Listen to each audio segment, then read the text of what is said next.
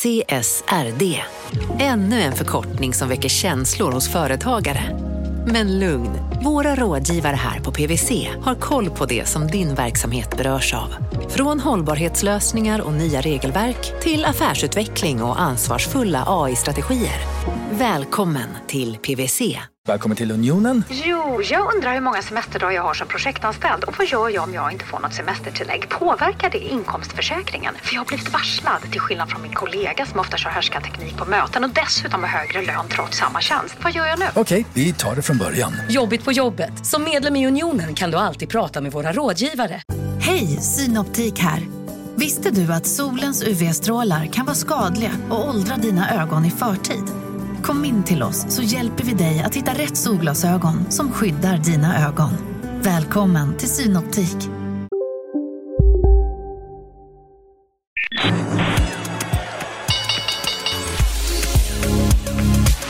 Det här är Affärsvärlden Magasin med Helene Rådstein.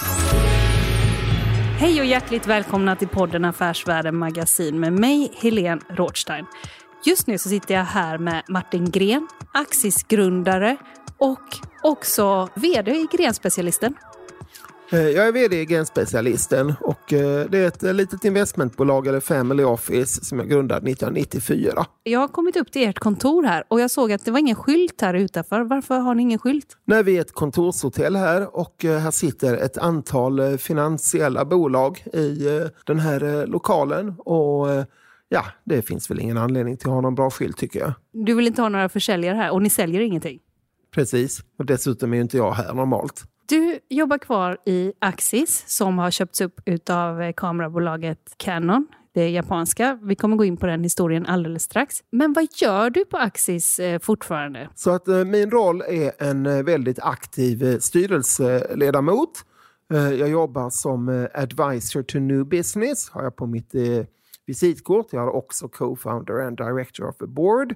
Och eh, i praktiken betyder ju det att jag jobbar mycket med kulturen, jag jobbar mycket med introduktion av nya anställda. Jag eh, jobbar överhuvudtaget, lite ansvarslöst kan jag säga, som maskot för bolaget och vår kultur. Och sen eh, eftersom jag älskar våra produkter så eh, testar jag och leker med i princip alla nya produkter som vi släpper. Så normalt sett så på en vecka så ska jag säga att jag kanske är 75% på Axis och sen så är jag kanske 25% här på Genspecialisten. Men det här varierar ju naturligtvis över tid. Och Axis, det håller till i Lund och eh, Grenspecialisten i Malmö. Åker du tåg fram och tillbaka? Jag eh, bor ju här i Malmö så att eh, när jag åker till Axis då, då kör jag naturligtvis min elbil till kontoret i Lund. Eh, Axis, det är ju övervakningskameror och det tycker inte du om att man säger, men du tycker man ska säga trygghetskameror. Exakt. Exakt, ja. Eh, trygghetskamerebolag och ni finns över hela världen. I Sverige så är det bara någon procent. Men Axis, när det grundades från början, var det egentligen en förgrening? Ni började med skrivare, eller hur? Mm. Så Axis vi grundades 1984 och eh, då hade vi ju idén att koppla skrivare mot IBM stordatorer. Han byggde vi en liten box som gjorde detta. Och eh, när vi startade så hade vi ett par kärnvärden som vi jobbade utifrån. En av dem var ju naturligtvis att vi skulle bygga smarta kommunikationsprodukter. Vi var ju tre grundare, det var jag, Mikael och Keith. Och Mikael, han var business administration, gick på Handels, var tekniskt intresserad och var väldigt intresserad av eh, organisation och organisationsteori. Men han var ju ingen säljare och jag var ju teknikern. Och därför blev vi partner med denna Keith. Och det var Keith som gav oss namnet Axis. Eh, vi hette Gren och Karlsson Firmware innan dess. Och sen gav han oss vår affärsmodell, vilket är det viktigaste vi har. Och det är att vi ska sälja indirekt i två nivåer. Så Axis, vi säljer alltid till en distributör som sen säljer till en integratör som sen säljer till slutkunden. Och det här gör vi aldrig några undantag ifrån. Utan Keith han mytade att begreppet att uh, never steal from the channel var alltid en återförsäljares bästa vän. Och genom att vara vän med återförsäljaren då tycker han ju det är roligt att sälja ännu mera. Och då får du en mycket bättre skalbarhet än om du försöker sälja själv. Och så har vi jobbat och jobbar än idag. Och detta har varit med från första början. Och sen en sista sak som du berörde, det var ju att eh, det här med Sverige. Vi har aldrig gjort något större fokus på Sverige. Utan när vi grundade sa Mikael att eh, vi kan ta Sverige som vår hemmamarknad. Keith han var engelsman, så då blev det uteslutet att köra med England. Och eh, då valde vi istället Tyskland. Och det här var ju väldigt länge sedan, det var på medeltiden. Så det var Västtyskland som vi gjorde till vår hemmamarknad. Och därmed tog vi aldrig fram broschyrer eller material på någonting annat än engelska. Nu sa du att det var på medeltiden, men jag tycker ganska relevant. Ni grundades 84. Det är ganska relevant vilket år ändå man går in i Tyskland då. Ja, det var ju 85 eh, som vi startade med Tyskland. Och vi var ju dumma, svenska och naiva. Vi kunde ingenting om Tyskland. Men vi hade lärt känna två tyskar som egentligen visade sig vara tjecker. Och de bodde utanför Frankfurt. Och eh, de gillade oss, vi gillade dem, de var jätteduktiga. Och de körde bil runt hela Tyskland som tokar. Så att de kunde vara i både München och Hamburg samma dag, men en dag att de har kört bil däremellan. Och eh, Tyskland är en ganska lurig marknad har jag lärt mig på äldre dagar. Därför att det är egentligen ett antal bondesländer som är sinsemellan väldigt olika. Och jag hade, eller vi hade en väldig tur. Och det var ju att de här två killarna vi lärde känna, de var ju tjecker. Så att de var inte bajrare eller hamburgare eller något sånt. Och tjecker, det är ganska väl sett i Tyskland. För det är gamla Böhmen och Tjeckien sågs som liksom där grunden för tysk kvalitet låg. Och det här gjorde att de funkade överallt. Så vi lyckades faktiskt täcka hela Tyskland tack vare de här personerna. Här jobbar ni då bara med print service för de första kamerorna de kom inte förrän 1996, eller hur? Det är alldeles riktigt. Så att eh, i Tyskland då så sålde vi de här printlösningarna via våra partners. Så att de här två tjeckerna som vi träffade, de hade en egen firma som var distributören. Och sen sålde de till olika återförsäljare som i sin tur levererade skrivlösningar till kanske en stor bank, en stor biltillverkare eller ett försäkringsbolag eller liknande. Och det var ungefär så businessen gick till. Jag kommer säga övervakningskameror och så får du svara då trygghetskameror. Att ni senare kom in på det, hur kom det sig? Jo, därför att vi Eh, upptäckte ju då att det här med att koppla saker till eh, internet, det var ju någonting vi kunde. Så vi började med printservers, men vi kom på att man kunde göra storage-servers också. Och eh, det här döpte vi till Thin Server Technology 1995. Och det var alltså samma sak som IoT, men 25 år innan det blev populärt. Eller populärt igen. Och under det ramverket så fick vi idén då att man kanske skulle kunna ta fram en kamera. Och det var en av våra ingenjörer, Kacke, som hade idén att eh, bygga ett videokonferenssystem som körde videokonferens över internet. Och jag hade i min tur träffat en japansk kund i Japan som hade ett stort lager av osäljbara analoga kameror och som tyckte att vi skulle nätverkskoppla dem. Så när vi kom hem, när jag kom hem från Japan träffade jag Kacke och eh, vi konstaterar att, eh, ja, jag säger att det här med videokonferens kommer inte passa Axis affärsmodell, men vi kanske kan göra en nätverkskamera av det. Och det tyckte Kacke var en god idé. Och eh, då tog vi fram den med hjälp av lite ex examensarbetare och det blev då världens första nätverkskamera. Nu finns de här kamerorna överallt. Ni kommer, så småningom så kommer ni in i eh, Frihetsgudinnan till exempel. Där har, finns era kameror. Och eh, Kan du säga några mer spektakulära platser? Ja, den finns eh, här i Sverige så finns vi till exempel på Stockholms tunnelbana som alla kan se. Men de flesta retailkedjor om du går till Kjell Company och vill köpa dig en kamera så kommer han att visa dig någon billig kinesisk kamera. Tittar du över disken så ser du att Kjell själv använder riktiga Axis-kameror. Så kan du förstå vilket det är du borde använda. Men eh, tar vi internationellt så eh, ja, vi har alla flygplatser i Australien. Sydney Airport var vår första större installation. Vi har eh, i New York, hela stan är full av våra kameror. Vi har i Sydafrika så alla fina turistattraktioner i Kapstaden är fullt av Axis. Eh, vi har gruvor, vi har eh, ja, nästan till vad som helst har vi. Och här i Malmö, där vi sitter nu, finns ni här också? Ja, du har ett, precis hälsat på några av våra kompisar på Centralen, för det sitter på Järnhusen, har det Axis-kameror överallt. Så att eh, du har tittat på många fina kompisar. Eh, ett sånt år som vi har eh, bakom oss nu, eh, coronaåret, hur påverkar det er business? Så att initialt var ju alla rädda för att det skulle bli en massa stopp och så. Och det blev det ju inte, därför att folk behöver ju den här tryggheten som våra produkter hjälper till primärt med. Nu används våra kameror för väldigt mycket än bara trygghet ska jag tillägga. Men eh, det som väl har påverkat mest är ju den här komponentbristen som har kommit. Så att eh, tyvärr har vi ju fått längre ledtider på våra produkter än vad vi brukar ha. Och det här har ju varit ett stort bekymmer. Sen var det också så här, om vi eh, både backar och eh, går framåt i tiden så gjorde ni några felprioriteringar vid IT-boomen som sedan ledde till att ni motvilligt fick gå till börsen och notera er år 2000. Kan du berätta lite om det? Ja, det kan jag göra. Vi, eh, jag hade ju dragit igång den här eh, som blev kameradivisionen 1996. Eh, då jag innan dess hade jobbat med storage. Och på den tiden var Ray, han var projektledare för storage. Och vi bestämde då att han skulle ta över storage-divisionen och jag satsade på kameran. Och så byggde vi upp eh, kameraverksamheten. Vi tog in en annan kille som hette Anders Laurin som blev chef över eh, folket där. Och eh, kameran gick bra och växte med 40 procent om året. Men då ska man veta att tiderna var lite annorlunda då.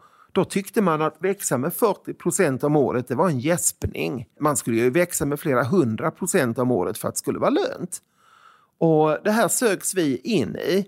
Så att eh, jag drev kameran med både lönsam, och, eh, lönsam tillväxt och ganska hög tillväxt. 40 procent hade man ju liksom inte skattat åt idag. Men eh, vi ville mer och eh, Mikael han hade en vision om att eh, göra mobilt internet och internetkonsulting. Och det var bara det att det här växte men de värderades utifrån burn rate. Och eh, det här var inte ett sätt som Axis var vana att jobba. Så att de här satsningarna, de gick inget vidare. Så vi fick slut på pengar i mars 2000 och det här ledde till att vi blev noterade. Och noteringen i sig var inget mål, det var någonting nödvändigt. Och vi såg till att hantera det utifrån att jaha, ja men nu är vi noterade. Och det var ju ingen av våra större ägare som sålde ut i samband med noteringen. Jag har också hört dig säga tidigare att ni brydde er inte så mycket om att, ni skulle, att det skulle se bra ut inför en kvartalsrapport eller att ni skulle göra någonting som eh, blidkade eh, marknaden på något sätt. Och att ni kanske då inte heller passade helt hundra att vara på börsen eh, för den sakens skull. Hur tänker du kring det idag? Jo, alltså det vi gjorde var att vi, vi har ju alltid haft väldigt god ordning och reda på ekonomin. Och vi har aldrig försökt försköna siffrorna på något vis. Så att eh, vi har inte gjort särskilt mycket aktiveringar. Det behövde man ju inte fram till förrän 2010 ungefär. Och eh, vi har inte gjort någonting för att försöka jämna ut siffrorna utan vi redovisar det som det blev. Och det gjorde ju att eh, ganska många eh, tyckte att vi var helt värdelösa. Man kunde inte dra rätta linjer på utvecklingen och eh, bara följa aktier jämnt och fint. Utan det blev slagigt. Så ibland så vinstvarnade vi positivt och ibland vinstvarnade vi negativt. Och jag kommer ihåg det var en analytiker som, eh, som jag ringde efter en rapport och han skrev en elak artikel, tror det var i Affärsvärlden till och med. Ja, så. Och, eh, så ringde jag till honom och så sa jag det att men du, kan du inte dra en slutsats av det här istället? Köp Axis-aktien varje gång vi vinstvarnar och så sälj den varje gång vi gör en omvänd vinstvarning. Och Håkan, som han hette, eh, han eh, gjorde en eh, chart på detta. Han ringde mig någon timme senare och sa Martin, det här, slår ju, det här är ju ännu bättre än att jag bara äger Axis-aktien. Och det ska jag skriva ner. Och det tror jag han gjorde också. Så att eh, så här är det ju med tillväxtbolag. Att om du växer ett, ett kvartal med 45 och nästa med 35, ja du kommer ju få stryk respektive eh, ros av marknaden för detta. Du lyssnar på Affärsvärlden Magasin med Helene Rådstein. Marknaden sponsras av SPP, pensionsbolaget. Eh, förra gången pratade vi lite om ITP och som en kort repetition så, så var det ju 70-tal, arbetsmarknadens parter bestämde att alla tjänstemän ska ha en tjänstepension. Man kom överens om vilka villkor som ska gälla i den här pensionen och så kallade man den för ITP. Så jobbar man idag som tjänsteman i ett företag med kollektivavtal, då har man förmodligen den här pensionen, ITP-pensionen. Eh, och det är ju så att man kan påverka eh, den här pensionen, hur den är placerad. Vart femte år så gör nämligen Collectum, som de heter, en enorm upphandling där olika pensionsbolag kan ansöka om att få förvalta eh, de här pensionerna. Och SPP är ett av bolagen som valdes ut i den senaste upphandlingen. Och sen kan du som pensionssparare välja eh, vilket av de här olika pensionsbolagen som, som då ska få ta hand om dina pengar. Och tanken med den här upphandlingen det är ju att liksom kvalitetssäkra de här olika alternativen eh, men också att förhandla fram stora rabatter så att pensionsspararna ska få, ja, kunna spara pengar genom att avgifterna eh, som är så viktiga eh, blir eh, lägre. Och vill man välja någonting i ITP-systemet då finns det en relativt ny sajt som heter avtalat.se. Ehm, där kan man gå in och se hur sin ITP-pension är placerad. Jag gjorde det häromdagen faktiskt. Ehm, idén är att hälften av pengarna alltid ligger i något som kallas för traditionell försäkring. Det här gjorde vi ett avsnitt om i podden Kapitalet nyligen eh, som vi kallade världens bästa sparform. kan man lyssna på om man är intresserad. Eh, den andra halvan eh, den kan man också lägga i en traditionell försäkring eller så kan man placera det i något som kallas för fondförsäkring. Eh, SPP som sagt eh, var ju ett av de fåtal bolagen som valdes ut i den senaste upphandlingen och de finns med som alternativ både med en traditionell försäkring och med eh, fonder. Så det var en liten bakgrund till ITP-systemet. Vill man läsa mer om det här eller typ kolla hur ITP-pensionen är placerad, eh, kanske göra förändringar, då går man in på avtalat.se men tack säger jag till SPP som vill göra oss människor mer medvetna om hur enormt viktig pensionen är för oss som en framtida lön, men också som en positiv kraft i samhället eh, och förstås för att ni möjliggör eh, den här podden Marknaden. Men då när ni har varit på börsen i ändå ganska lång tid, får man ju säga, 15 år, vad händer då? Jo, då kom Canon och la ett bud på Axis. Och då ska man veta att Canon är en firma vi har jobbat ganska mycket med historiskt. Uh, nu var det inte det som var anledningen till att de kom och la bud på oss. Men till exempel när vi gjorde printservers så var Canon vår största kund. Och uh, när vi började med kameror, så när vi skulle göra den första, världens första rörliga nätverkskamera, då var det återigen Canon som vi köpte mekaniken av. Och uh, vi, vi, har alltid varit liksom lite fascinerade av Canon för de har varit duktiga och trevliga att ha att göra med. Och när då Canons vd Mr Mitarai kom och uppvaktade oss och sen så är han väldigt tydlig med att eh, allting ska förbli precis som innan. Vi ska inte göra några förändringar här. Vi lovar att satsa långsiktigt på er och eh, ni kommer att köra som en oberoende enhet inom Canon-gruppen. Men att de då kan hjälpa oss med en massa bra saker. Canon är nummer tre i världen på patent, vilket vi har haft en väldig nytta av. De är duktiga på komponenter, vilket har varit bra nu när vi har komponentbrist. Eh, och sen så Eh, har de också ett säljbolag i Japan som vi har kunnat dra nytta av. Och eh, lite roligt var ju då att då tycker ju Canon att ja, men då kan vi väl ta och köpa produkterna direkt av er och sälja med vårt japanska säljbolag. Då får vi tala om för Canon att ni måste välja, ska ni vara distributör, det vill säga bara en sån som säljer i lager till andra återförsäljare, eller vill ni vara integratör, sådana som träffar slutkunden. Och efter mycket förhandling så konstaterar vi att de ska vara integratör och sälja till slutkunder och då måste de köpa via distribution så som alla andra gör. Och det här hade de ju ganska svårt för att acceptera den första tiden men eh, nu har detta satt sig och eh, de är ganska nöjda med det här setupen. Men de kommer, de la ett bud, men den affären skulle visa sig dra ut på tiden flera år, nästan tre år ju, innan den eh, slutligen blev av. För under tiden som de hade lagt ett bud, då kommer en aktivistfond in från sidan. Man brukar säga Elliot, men vad är deras fullständiga namn? Det de heter Elliot Capital Management och det är en fond som är grundad av en kille som heter Paul Singer som bor i New York. Vad de ska göra, visade sig, det är att de ska ta en cornerposition. De ska samla ihop så att de har 10 utav aktierna då i Axis när det ska köpas ut från börsen utav Canon.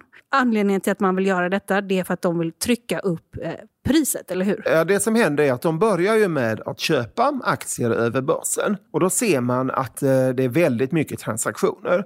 Så Elliot dammsuger marknaden. Och sen så köper de även större positioner. Så till exempel Robur, eh, eller Robur, eh, sålde då sina aktier till Elliot. Vilket jag inte tyckte var särskilt ansvarsfullt agerat av dem. Men det gjorde de och det stod de naturligtvis fritt att göra. Och allt det här resulterar då till att Elliot kom dit de ville, det vill säga 10,01 procent. Vilka fler stora sålde till Elliot? Eh, det är den enda jag vet. Nej, jag vet en till och det var ju Calpers, eh, vad heter det, kaliforniska lärarnas pensionsfond. Men eh, de var rätt så intressanta för de syntes inte i ägarlistorna vid den tiden.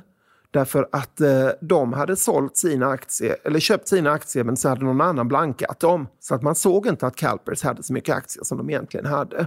Var det du personligen som såg att de började köpa väldigt mycket Elliot? Eh, alla som tittar på börsen kunde se att eh, Öhmans, tror jag det hette på den tiden, möjligen Pareto, mäklade väldigt mycket aktier i Axis. Så att det var någon som höll på att ta en corner var inte särskilt svårt att följa. Och sen så träffade du dem och eh, du noterar att det här, de är ganska smarta de här personerna. Du tyckte att de var liksom bättre än de svenska analytikerna, att de förstod Axis nästan bättre än andra svenska analytiker som du hade träffat. Hur var första mötet och var var ni någonstans? Jo, de kom ju och besökte oss i Lund och jag skulle visa runt dem eh, i eh, vår produktutställning och eh, kunde ganska snabbt inse att de här visste precis vad det handlade om.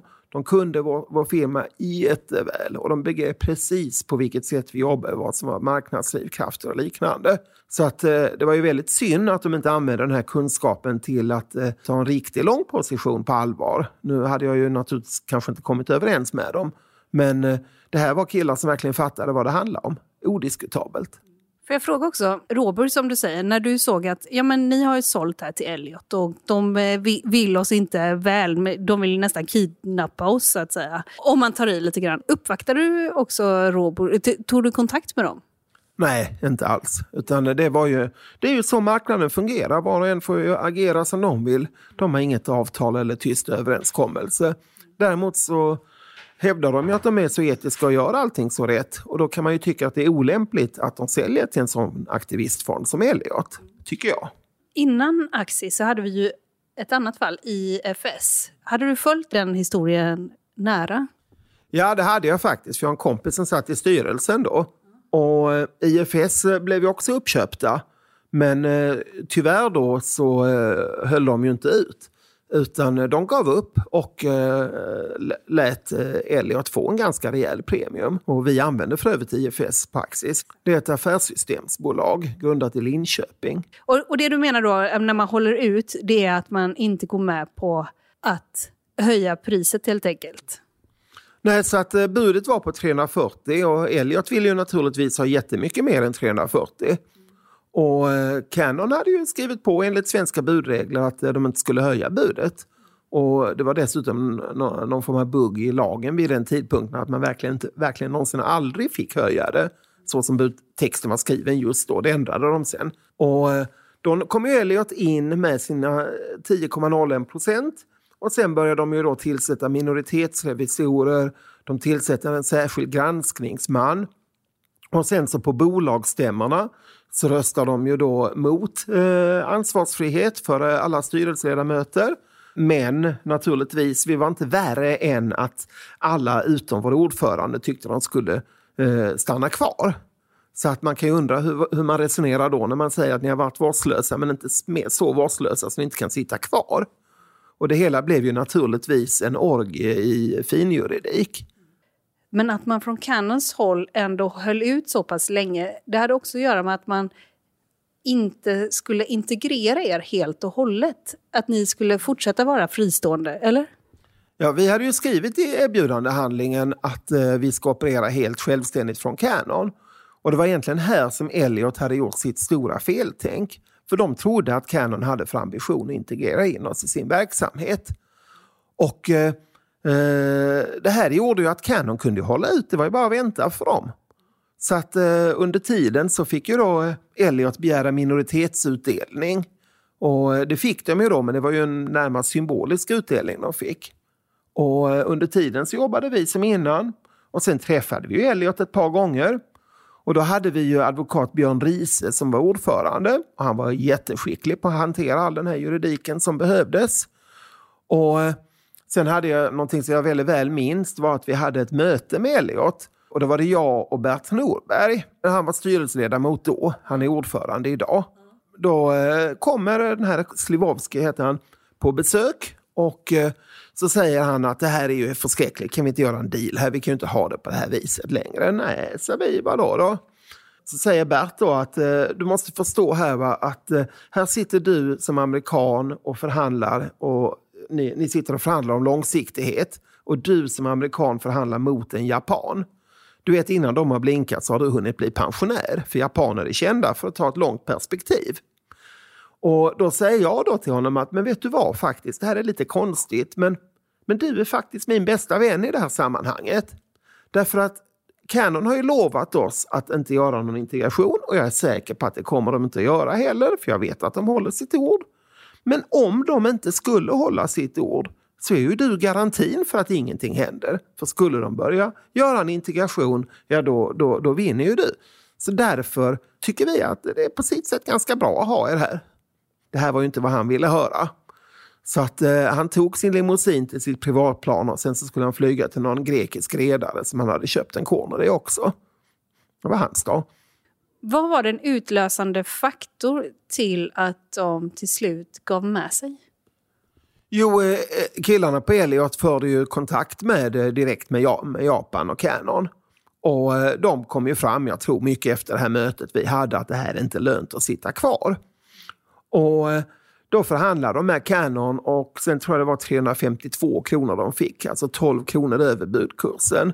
Men det motsvarade, det var mindre än vad de hade fått i ordinarie aktieutdelning och vi hade bibehållit policyn över tiden. Så att eh, jag tror att eh, eftersom de dessutom hade otur med valutan så jag tror att det hela slutade med en förlust på ungefär en halv miljard för dem. Men eh, det vet vi ju naturligtvis inte. Har du haft någon kontakt med dem efteråt? Nej. Inte? Nej. Nu är du ju själv investerare. Eller jag vet att du brukar säga att du har en massa bankers som sitter och gör det jobbet åt dig. Men ändå, när man är på börsen och investerar, så där, vad har du tagit med dig från den här historien? Ja, Elliot eh, hoppas jag att jag inte behöver träffa fler gånger. Och Elliot har ju bara väldigt stora positioner. Så att jag tror att den sannolikheten är ganska liten att jag åker på dem igen. Men det jag tyckte var roligt, det var ju att vi verkligen tog fighten med dem. För hela Elliot-systemet bygger ju egentligen, kan man säga, på en bugg i lagstiftningen. Att visst ska man skydda de, man, man ska skydda de småspararna mot storägarnas eh, intressen. Och det är självklart att man ska göra det. Men sättet som Elliot gör det på, det är ju egentligen precis tvärt intentionen i lagen. De som har en liten andel, alltså minoritetsägarna, de ska man skydda. Det här är ju en svensk lagstiftning och man kan ju tänka då att de hade gått igenom lagstiftningen. De hade gjort en due diligence nästan över europeisk lagstiftning. Eller hur ska, hur ska man tolka att de hittade just till Sverige? Jo, jag fick ju höra det på omvägar att eh, de hade gjort en due diligence på olika europeiska länders lagstiftningar. Och då har de kommit fram till att Sverige och Tyskland var väldigt lämpade för den här typen av aktiviteter. Och eh, därför så valde de då Sverige. Och det är väl en tre, fyra affärer de har varit inblandade i som jag känner till. Sedan köpet gick igenom och sådär från Canons håll, vad fick det för konsekvenser för Axis som du inte hade riktigt föreställt dig? Ja, för det första så det som ju var väldigt bra var ju att de verkligen levde upp till sitt löfte.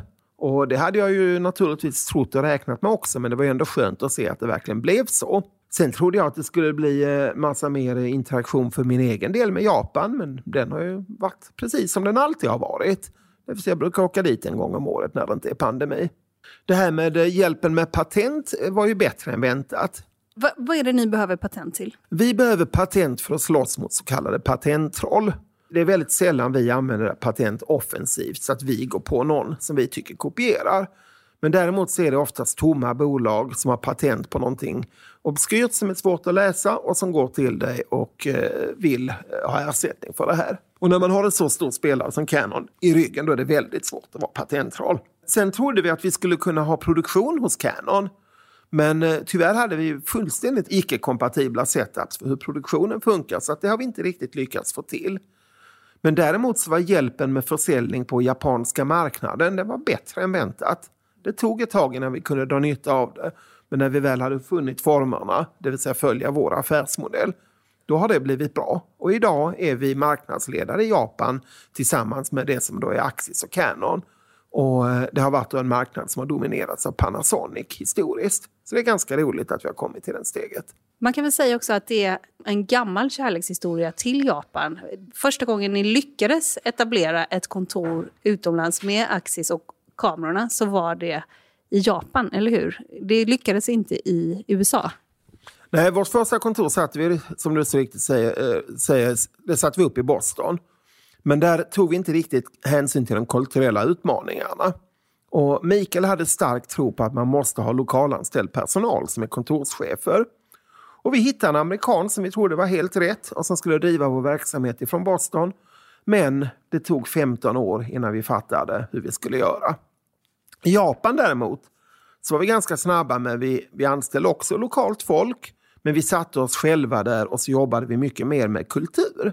Ja, vi kallade det inte så, men vi jobbade liksom själva tillsammans med dem och byggde förtroende.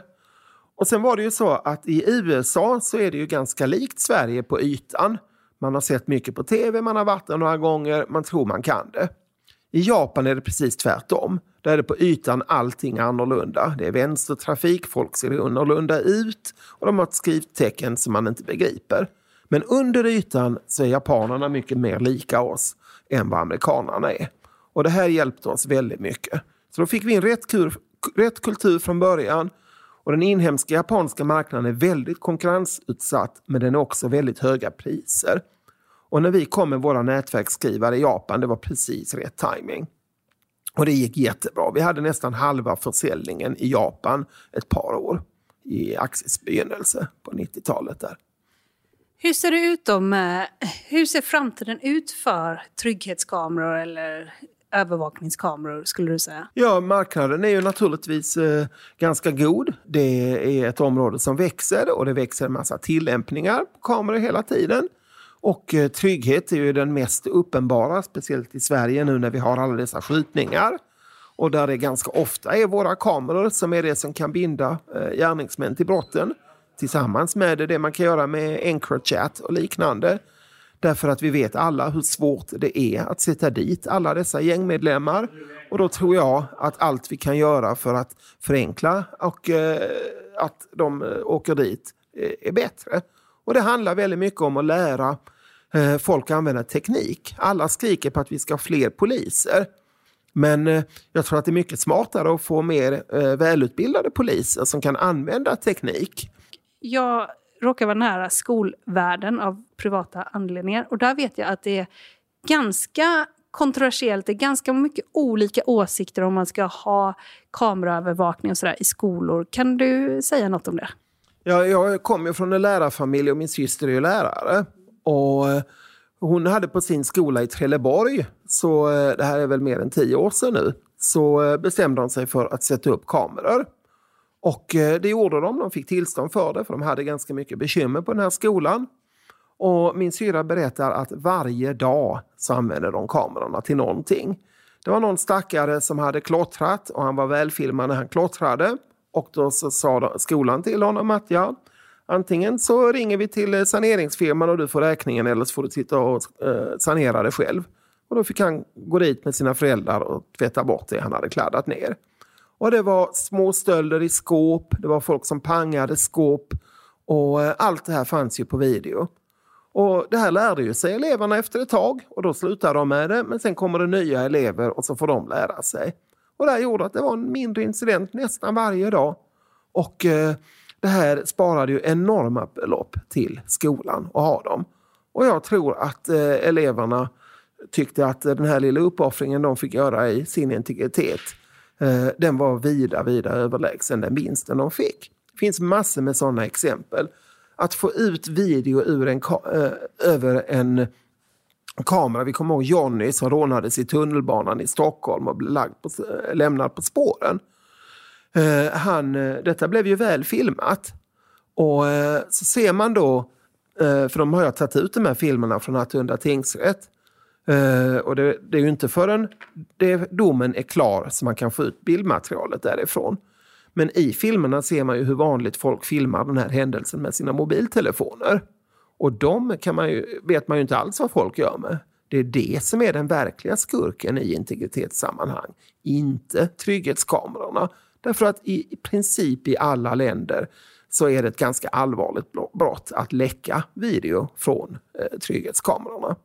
Och, eh, till exempel nu när Magdalena blev statsminister så hörde jag att eh, de funderar på en lag som säger att en brottsling måste lämna ifrån sig sin och låsa upp sin mobil om de blir gripna av polisen. I Storbritannien finns det en sån här lag och den säger att du får tre års fängelse ifall du inte vill lämna över din mobil. Och det är ungefär som vapenlagen i Sverige. som ju effektivt låser in alla som springer omkring med en laddad pistol. Så att eh, det här är något jag tycker borde komma till en lagstiftning i Sverige också och här är jag väldigt glad för det här initiativet.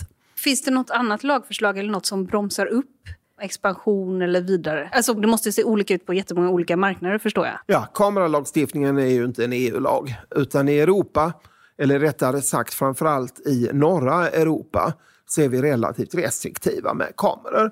Det är naturligtvis bra, man ska inte kunna sätta en kamera var som helst, det tycker inte jag heller. Eh, vilket man ju kan i, i vissa länder. I USA är det väldigt fritt att sätta kameror i princip var man vill. Och samma sak om man eh, kommer till sydligare breddgrader eller Asien. Så att eh, självklart ska det regleras. Men eh, det är ju också som så att eh, i de flesta fall så eh, är ju tryggheten man får av att sätta upp kameror vida mycket mer värd än den integritet man kan tappa på att folk blir inspelade när de går på en gågata. Du lyssnar på Affärsvärlden Magasin med Helene Rådstein. Eh, marknaden sponsras av Karla. Eh, vi pratar ju en hel del om bilar här på kontoret. Eh, Karla har ju skapat, skulle jag säga, det som är standarden för hur man idag köper och säljer bilar på nätet. Eh, kort bakgrund bara. Eh, Karla säljer och leasar begagnade elbilar eh, och laddhybrider på karla.se. Alltså en helt eh, digital upplevelse. Och man har gjort det här med ett nästan maniskt fokus på vad en bilköpare faktiskt behöver. Jag gjorde ju en intervju med en av grundarna, Patrik Illerstig, i marknaden här eh, ganska nyligen, eh, daterad 25 mars, om man vill lyssna på den Eh, men där berättar han hur de kom in i det här lite från vänster för att försöka uppfinna hela den här liksom bilköpupplevelsen från början. Och de har idag, vilket är rätt otroligt, 4,8 i betyg eh, på Trustpilot. Jag, jag har sett många företagssidor på Trustpilot, men det här är nog bland eh, det bästa jag någonsin sett faktiskt.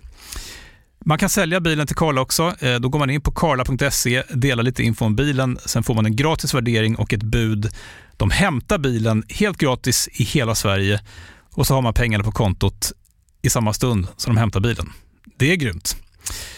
Eh, så ska du köpa en ny bil eller sälja din gamla, eller båda delar för den delen, gå in på karla.se och eh, kolla. Alltså karla.se och Karla stavas med C. Tack så mycket till Karla.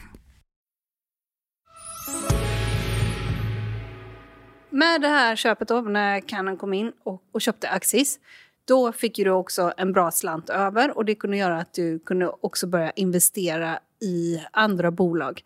Och jag vet att eh, ni har på Grenspecialisten innan i alla fall så var det att det skulle minst omsätta 100 miljoner om året och sen skulle de vara lönsamma. Är det samma regler fortfarande? Ja, det är samma regler och vi har väl, till, vi har väl sagt att det egentligen ska det nog vara 400 miljoner, även om vi har gått ner mot 100. Ja. Och så ska det vara lönsamma att betala aktieutdelning. Och sen ska det vara inom eh, IT-branschen och eh, life science.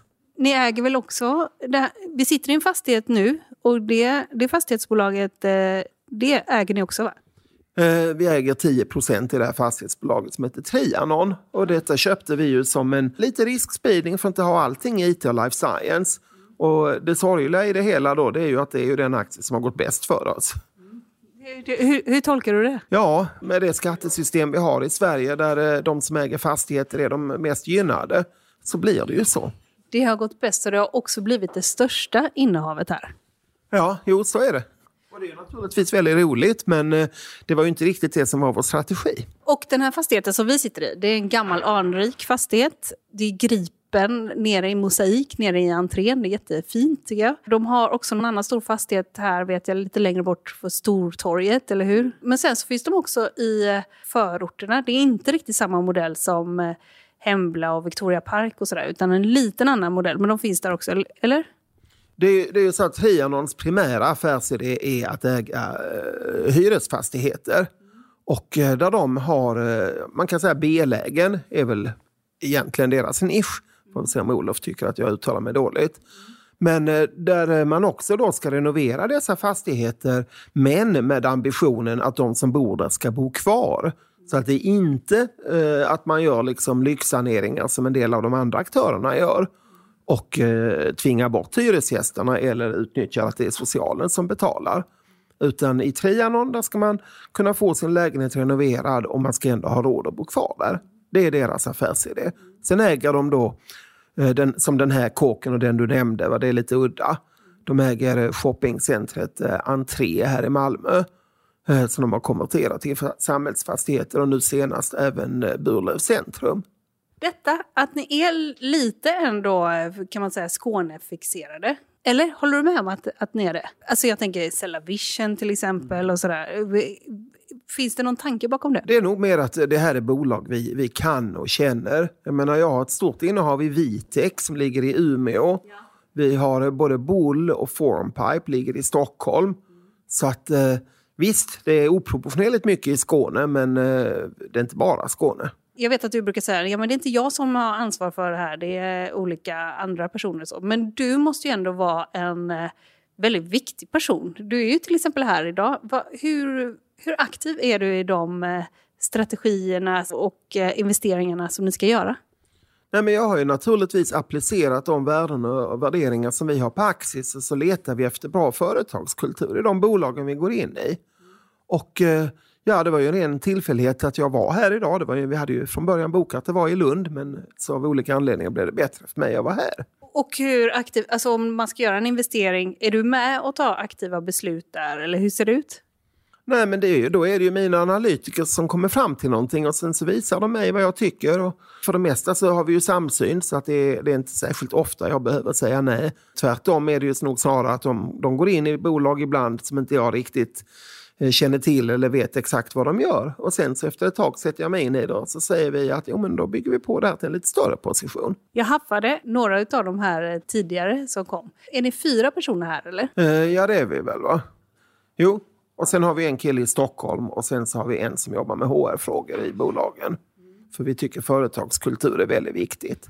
Så att då går hon in och ser till att eh, man eh, hjälper upp kulturen där helt enkelt. Så eh, ett exempel är Proact som jag också heter var Stockholmsbaserade bolag. Och där har hon varit väldigt aktiv. Där har hon då implementerat massa HR-strategier. Det här är ett uppköpsbolag så vi har förvärvat en massa enheter runt om i Västeuropa. Och eh, så har vi ju rekryterat eh, HR-chefer eh, till bolaget. I det fallet rekryterar vi vd också. Och eh, där hade man i grund och botten en rent reaktiv HR-funktion som såg till att alla regler var rätt och liknande. Men inte alls offensivt jobba med kultur på samma sätt som jag tycker man borde göra. Så där fick vi in i Proact och det tror jag långsiktigt kommer att bli väldigt bra. För det är eh, tidigare HR-chef på Axis, eller hur? Absolut, så att hon har ju, kan ju det här med att bygga, tänka storskaligt. Och hon heter Malin Röisners. Och vad det gäller kultur, det har ju du också fått lära dig lite den hårda vägen. Vi var inne på det här Boston-kontoret till exempel. Och det var väl i samband med den USA-etableringen som det gick upp för dig hur viktig kultur är, eller? Jo, men så var det. Jag tänkte ju aldrig på att det var kultur. Utan vi agerade ju, jag och Mikael, utifrån ett sätt som vi var som personer. Och sen insåg vi att ja, men detta är ju vår kultur och då jobbade vi med att sätta den på pränt. Och det gjorde vi tillsammans med eh, Thomas Arens, Arens och Partners, så vi var hans första kund. Och det här fungerade väldigt, väldigt bra. Så vi jobbade mycket med det här och gör det än idag. Och eh, jag har ju sett nu att eh, många bolag gör ju detta. Men då när vi gjorde det i början på 90-talet, då var vi nästan unika med det i Sverige. I USA har det ju alltid varit så. För man säger ju att kultur vinner alltid över strategi. När vi pratar om den här kultur, eftersom du ändå verkar tycka att, och ni verkar tycka att det är viktigt. Vad är bra företagskultur enligt dina mått mätt? Det finns ju ingen enhetligt svar på den utan det här är ju beroende på vilket bolag det är. Men vi hade ju till exempel på Axis då när vi gjorde mobilt internet i samband med börsnoteringen då eh, hade vi ju vår kultur som byggde på lönsam tillväxt och sälja våra produkter. Medan dotcomeriet så att säga, det byggde ju på väldigt eh, höga värderingar, höga burn rates och ganska lite intäkter.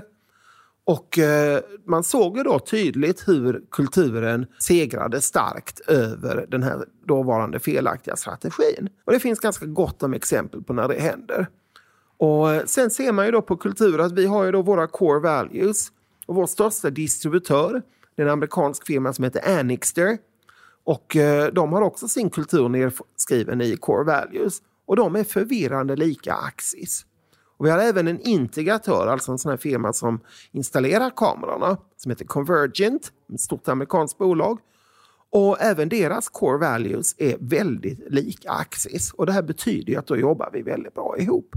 Hon som var HR-chef för Axis, i, i de investeringarna som ni gör, där går hon bland annat in och liksom styr upp så att HR-avdelningen inte är reaktiv utan eh, att man istället skapar en företagskultur. Vad är det man ska skapa för någonting? Alltså vad är det? Är det ansvar? Vad, vad tänker du man ska göra för någonting? Det är ju en god anda eh, så att folk vet hur de ska jobba ihop med varandra. Så att vi på Axis till exempel så har vi Always Open och det är att man ska vara öppen med vad man gör. Man ska vara öppen med om det är bekymmer och tala om det upfront istället för efteråt. Man ska köra öppna standarder istället för slutna standards och så vidare. Sen har vi en som heter Think Big och den betyder att vi ska vara skalbara. Så att eh, när man gör någonting så får det inte bara vara en fix och trix här för att få en viss kund att fungera. Utan man ska tänka hur det här problemet som kunden har det kanske är ett globalt problem och att man gör det lätt tillgängligt. Och sen har vi affärsmodellen som är också väldigt mycket think big. Och sen till sist har vi ett tredje core value som heter act as one. Och det är att du ska få ett enhetligt svar eh, från oss när du frågar. Och att man hela tiden ska söka sig till rätt person så att du får rätt svar om du inte själv vet. Och eh, det här betyder att en exjobbare kan gå till vår vd och fråga saker, det är ingenting konstigt. Detta har också hängt med väldigt länge, eller? Ja, vi började ju det här arbetet omkring 1990 då vi formaliserade. Det var väl klart kanske 91-92. Och eh, sen har vi utvecklat det här vidare och förfinat det i lite olika varianter. Är det de här tre byggstenarna som ni eller du gärna ser att man jobbar efter ungefär i investeringar som ni gör? Ja, det är det absolut. Så att, eh, det är ju den typen av bolag som har någon sån kultur som vi vill gå in i. Och som i alla fall vet vad kultur är och som har tänkt på det och som jobbar med det på aktivt. Men det får ju inte vara någonting att man har ett styrelsemöte och sen har styrelsen bestämt sig för att det här är våra core values och så talar de om det för ledningen. För då går det åt skogen och det har jag sett ganska många exempel på tyvärr. Vad är den sämsta investeringen som du har gjort? Det var, jag gick en gång in i en amerikansk aktie som heter Lone Star Steakhouse and Saloons. Det var en Texas-inspirerad tema av eh, lite mellanklass steakhouse. De hade ingen eh, restaurang i Texas, men däremot i Australien och i andra delstater. De gick i konkurs. Du har också varit inne i Starbucks. Du, du gillar amerikansk kaffe och den typen av kultur, eller? Ja, det vet jag inte, men eh, jag gillar svagt kaffe och det lärde jag mig när jag var, jobbade i England. Och eh, då, då, därför gillar jag Dunkin Donuts kaffe. Ja, de var också inne Ja, men eh, den första kaffekedjan som blev noterad var ju Starbucks. Så då fick jag köpa aktier där. Även om jag inte gillar deras kaffe för det är lite för starkt för min smak. Och dyrt va? Det, eh, faktum är att eh, jag och min eh, USA-kollega vi, eh, en morgon då när jag hade bott över hos honom så går vi och köper kaffe då. Så köper jag en Dunkin och han köper en Starbucks. Och han ser någon som är uppklädd till en eh, kontorsråtta medan jag möter en sån här 150 kilos stor dam som säljer kaffe till mig. Men det visade sig att mitt kaffe var fyra cent dyrare. Så, så det är din, din sämsta investering. Vilket bolag har du gått ur relativt nyligen för att du tröttnade på det, eller ni tröttnade på det? Eh, vi hade ju ett stort innehav i ett bolag som heter IDL. Och eh, det, det är ju en investering vi har lämnat. De blev uppköpta av något som heter RSL och eh, då tyckte vi att eh, nu kan inte vi vara med längre. Nu sitter vi i Malmö. Eh, en sak som Malmö egentligen saknar är ju ett eh, det är flera saker, men det är flera saker som finns här också. Men det är ju en väldigt stor tech, ett stort techbolag till exempel i regionen finns ju inte riktigt. Som i Stockholm finns det ju Klarna, och Spotify och sådär. Men vad finns det för fördelar med att vara för dig att vara här i Skåne med omnejd? Eller Malmö-Lund? Ja, för det första finns det ett stort techbolag här nere och det är ju Axis, så att eh, det får vi inte förringa. Nej. Och eh, Malmö har fördelar. Det är, vi är närmare kontinenten. Det är mycket lättare för oss att resa för Kastrup. Eh, en mycket större och effektivare flygplats än vad Arlanda någonsin kommer att bli. Och vi kan köra bil ner till Europa på ett helt annat sätt än vad man kan uppe i Stockholm. Så det här är ju fördelar. Eh, nackdelen är ju som sagt att ja, vi, mina killar här de åker till Stockholm varje vecka.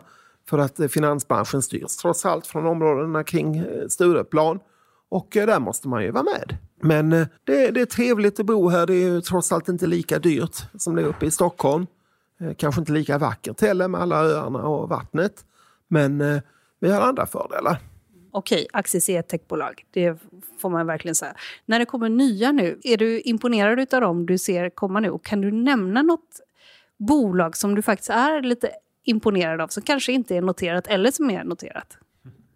Jag har ju en investering i ett bolag som gör drivkretsar för analoga, eh, för eh, vita lysdioder och andra analoga komponenter. Kan du översätta? Eh, I din mobiltelefon så har du en bakgrundsbelysning som gör att du kan se displayen. Och de, den här firman då, de, de gör drivningen av detta.